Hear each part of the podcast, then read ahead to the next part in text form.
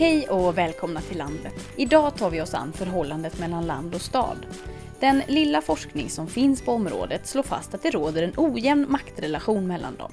Staden betraktas som det normala, det självklara och det önskvärda, medan till exempel landsbygd kopplas ihop med helt andra värden. Attityderna påverkar hur vi utformar vårt samhälle och det föder också motsättningar mellan land och stad.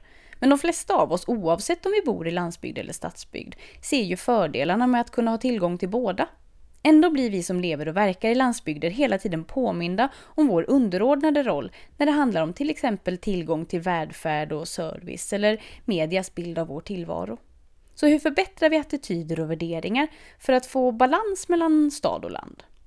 Ja, ett sätt kan vara att börja prata om maktförhållandet. Vad innebär den urbana normen? Hur märks den i vår vardag? Vilka konsekvenser får attityder och en polarisering mellan land och stad? Det här ska vi diskutera med tre personer som har lite olika infallsvinklar. Jag säger välkommen till Therese Bengard, verksamhetsledare för Hela Sverige ska leva, Hans Westlund, forskare och professor vid KTH på institutionen för urbana och regionala studier, och så Göran Greider, chefredaktör på Dala-Demokraten. Jag tänkte att vi börjar med att i en mening, vad är urban norm för dig? Eh, urban norm skulle jag säga är en storstadsnorm, det vill säga att storstaden är allt. Jag hävdar att det finns en storstadsmaktordning och att där då staden, precis som Hans säger, är norm eh, och att det är det som vår världsbild utgår ifrån. Och det innebär ju då att landsbygden blir det som blir avvikande från normen. Fördomar mot människor som inte bor i städer. Tre lika men ändå lite olika definitioner. Eh, skulle ni kunna ge ett par exempel var på vad som gett uttryck för den urbana normen? Hur vi, hur vi kan eh, märka den? Ja, jag kan bara ta, tror det var häromveckan så var det ett inslag i Studio 1 i P1 som ganska många hörde som handlade om eh, Stefan Löfvens landsbygdsturné. Vilka var inbjudna? Jo, två Stockholmsbaserade journalister pratade om detta. Och de som frågade ut dem var två lika Stockholmsbaserade programledare otrolig liten bubbla där alltså. Eh, häpnadsväckande får jag lov att säga. Och det där betyder någonting, för det är en stark medial funktion som det där har. Det hörs över hela landet.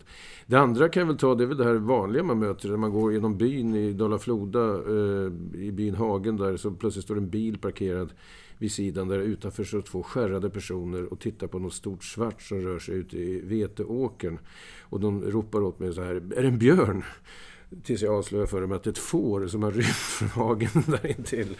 Eh, och just det, det var någon så här, just den här situationen, så här, att man är så ovan vid att liksom, överhuvudtaget identifiera djur. Så här, eh, det är ett uttryck för att man är blind för någonting som finns utanför den urbana världen det som är utanför staden är så långt ifrån oss numera. ja, alltså det var ju häpnadsväckande. Jag menar, man borde, borde väl ändå kunna se skillnad på en björn och, och ett får som har rymt så här.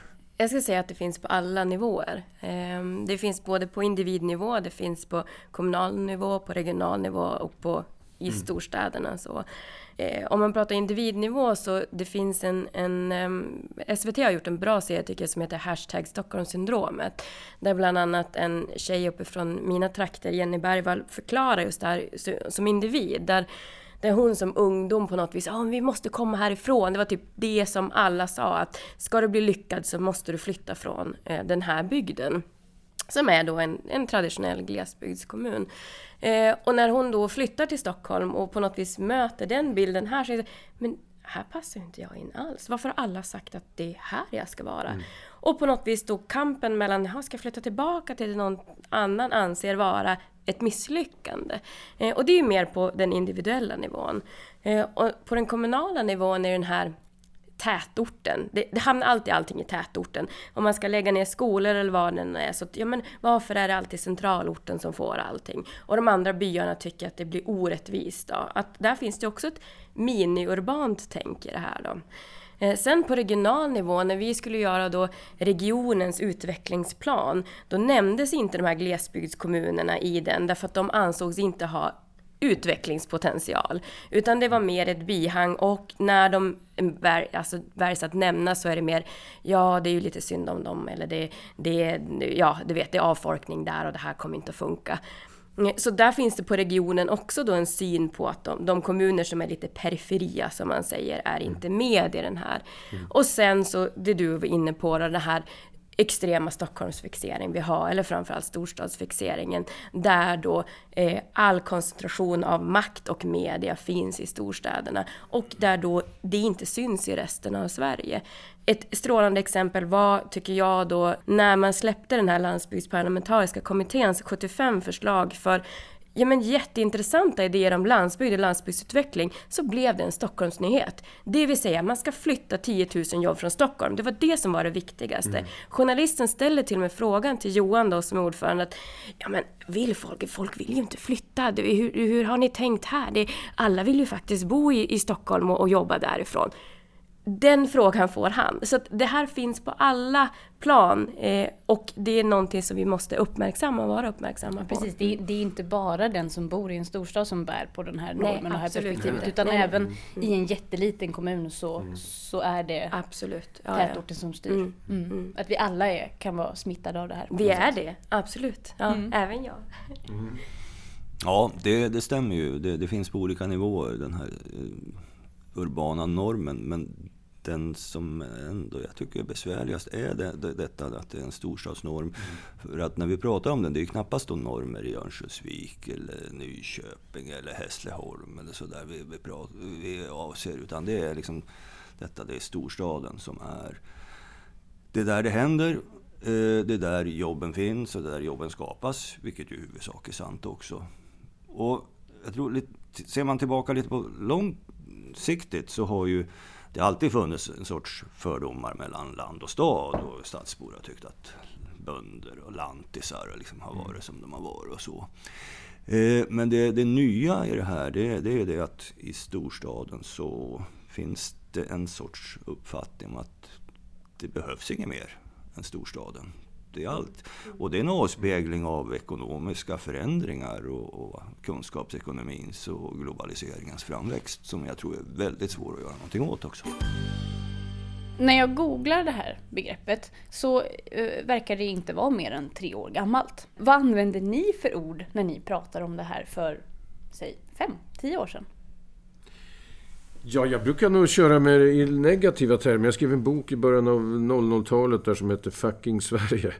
Och då tror jag jag pratade mycket om landsbygdsförakt och sådana grejer. Alltså i, i det termerna. För det mötte man, jag tyckte man mötte det väldigt mycket. När jag började jobba på Daldemokraterna så var det många vänner i, i Stockholm som tyckte att man hade klivit ut i träsk ungefär någonstans. Så jag tror att jag använder ord som landsbygdsförakt, eh, landsortsförakt också. Därför att man kan, jag brukar ofta dela upp det i glesbygd, landsbygd och landsort, vilket är ganska olika saker. Det är nästan vad du var inne på förut med periferier i kommuner och så. Mm.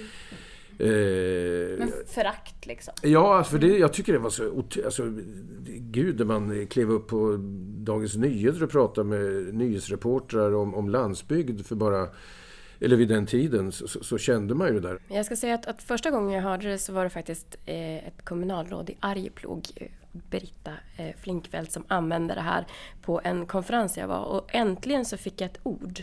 Mm. Alltså att, att jag på något vis kunde, ja men nu, det, det, jag har tänkt och funderat på finns, alltså det finns en, en benämning för det hela. Eh, och jag tror att många av oss som jobbar med de här frågorna tycker ändå att det är skönt att vi i ett kort ord kan sammanfatta fatta mm. vad det här är för någonting. Mm. Och sen utifrån det kan vi börja förklara vad det är. För du pratar att, om det i liksom långa meningar? Ja, för, men pratar mer beskrivande då, den här känslan mm. som du säger. Att, att vad, vad är landsbygdsstad och vad finns det för, för syn på varandra och så vidare. Så det var mer den typen av beskrivande delar. Och jag tyckte också att det handlade mycket om att man, man då och då, för då var jag ju tidigare kommunalråd, att man, man la skulden på oss. Alltså det var som vårat fel att det här inte fungerade. Och bara mm. vi blev lite bättre så skulle det nog ordna sig. Mm. Och då tyckte man att vi gör jättemycket, kommunmedborgarna gör jättemycket, men det blir ändå inte riktigt bättre så. Mm. Så att det var väl mer sådana historier man berättade. Men mm. nu är det skönt att det finns ett begrepp och jag tycker vi ändå ska försöka vårda det och utveckla det för att komma vidare och helt enkelt också kunna göra någonting åt det här. Vad använder du för ord? När du pratade om det här för fem år alltså, Jag tror att jag mer pratade om i termer av djupgående samhälleliga förändringar. Mm. Om man tittar på, man tar exempel kulturlivet. Så fram till 70-talet ungefär, svenska filmer, underhållning och sånt, så var landsbygden det goda. Det fanns liksom hjältar som Edvard Persson, Åsa-Nisse, Tjorven, eh, hembiträdet eh, från landet, Dagmar Ebbesson eller Julia Caesar. Som ställde saker och ting till rätta när stadsborna hade varit dumma. Sen skedde en svängning på 80-talet då, då den nya ska jag säga, urbana medelklassen eh, dess värderingar kom att, liksom, som, som också då var nya då i, i och med att vi, vi, vi, hade, vi fick liksom ett kunskapssamhälle som betydde mer och mer och industrialiseringen för, sjönk tillbaka. Eh, då, där fick vi den här svängningen i kulturen som nu, nu dominerar. Vilka är konsekvenserna av den urbana normen? Ja, jag skulle säga att det blir en orättvis bild av verkligheten, det blir en orättvis fördelning av resurser och det blir också orättvisa förutsättningar för utveckling. Mm. Mm. Väldigt kort och konkret. Mm. mm. Håller ni andra med?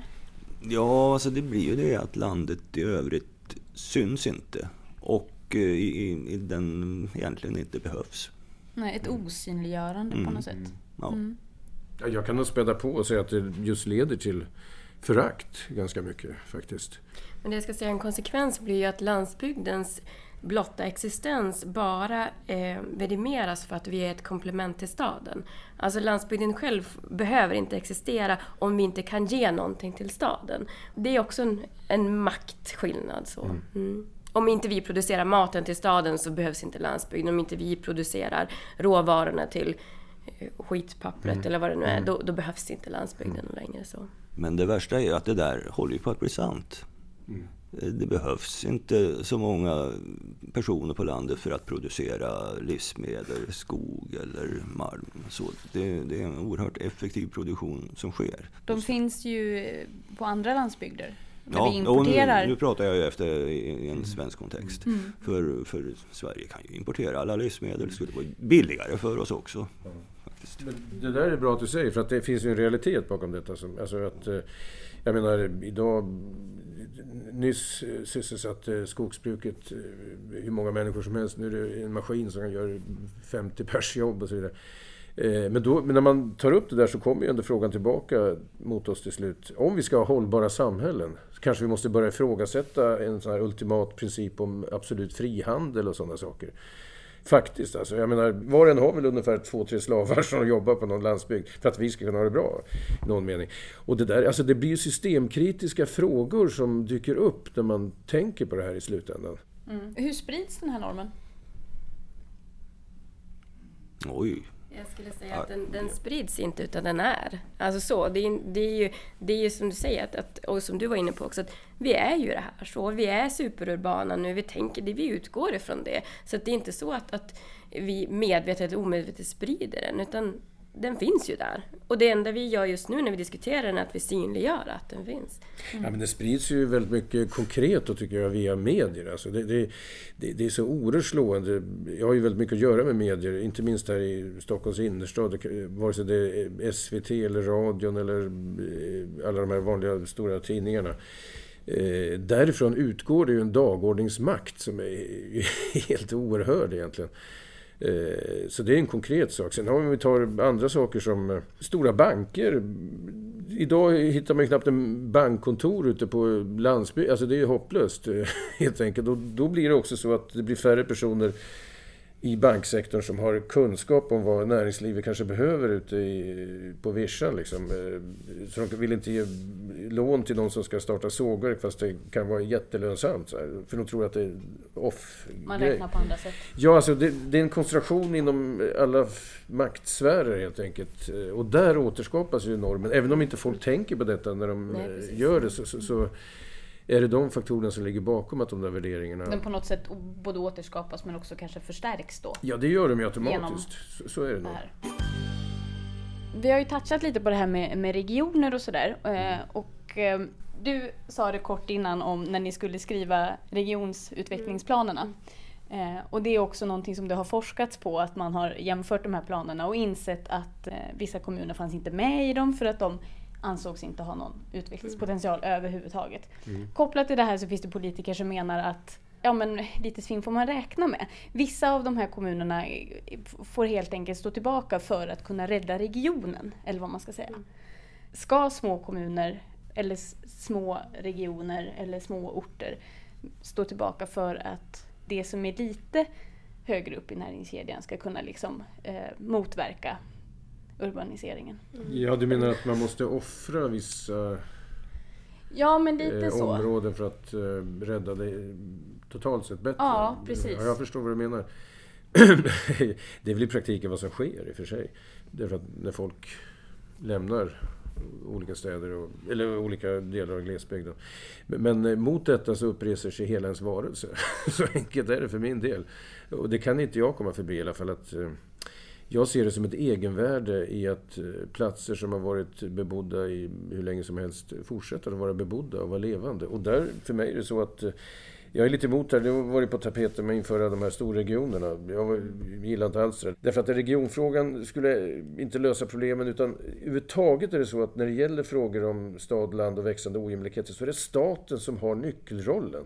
Och det gäller framförallt detta med sjukvården. Då. Mm. Så du köper inte att eh, mindre kommuner ska stå tillbaka nej, jag, jag, nej, jag kan, för en, en bättre nej. helhet nej. i en region? Nej, nej, det gör jag inte. Nej, det är som jag sa redan från början att det sker ju redan idag. Och, eh, jag kom ju från Umeå igår och eh, ehm, det var precis så man lät. Man, Umeå måste växa för att eh, det ska finnas en stark region i norra Sverige. Ehm, och det resonemanget finns överallt. Ehm, och då är det ett ställningstagande man måste ta. Antingen så möjliggör man att hela Sverige ska kunna fortsätta leva eller också så gör man det inte. Vad tänker du om, om att vissa mindre delar av en region då ska stå tillbaka till förmån för regioncentrat? Alltså det är svårt att kunna visa på vilka beslut ska tas för att förhindra detta. Staten kan ge bättre förutsättningar för landsbygdens eh, överlevnad och tillväxt. Det kommer förmodligen inte att kunna rädda alla landsbygder heller, men staten kan ge bättre förutsättningar och det har ju då landsbygdskommittén gett ett antal intressanta förslag.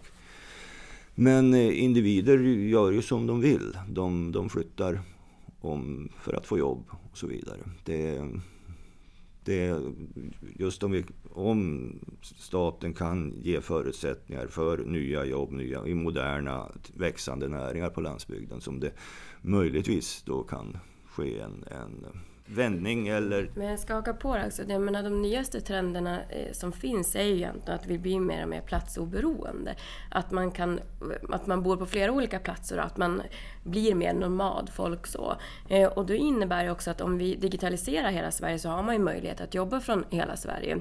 Man får heller inte snöa in på att tro att landsbygdens befolkning bara jobbar med jord och skog. För så ser det ju inte heller ut. Utan det nej, finns nej, ju en variation av arbeten. Det är ju väldigt få som jobbar med de ja. frågorna. Eh, och jag menar som man ser nu, etta på Spotify, så är det ju en Norrköpingsbaserad YouTuber som sitter där och gör, han är ju fantastiskt känd, inte i mina kretsar för jag är 40 plus, men mina barn så. Eh, och blir då etta och den mest spelade låten.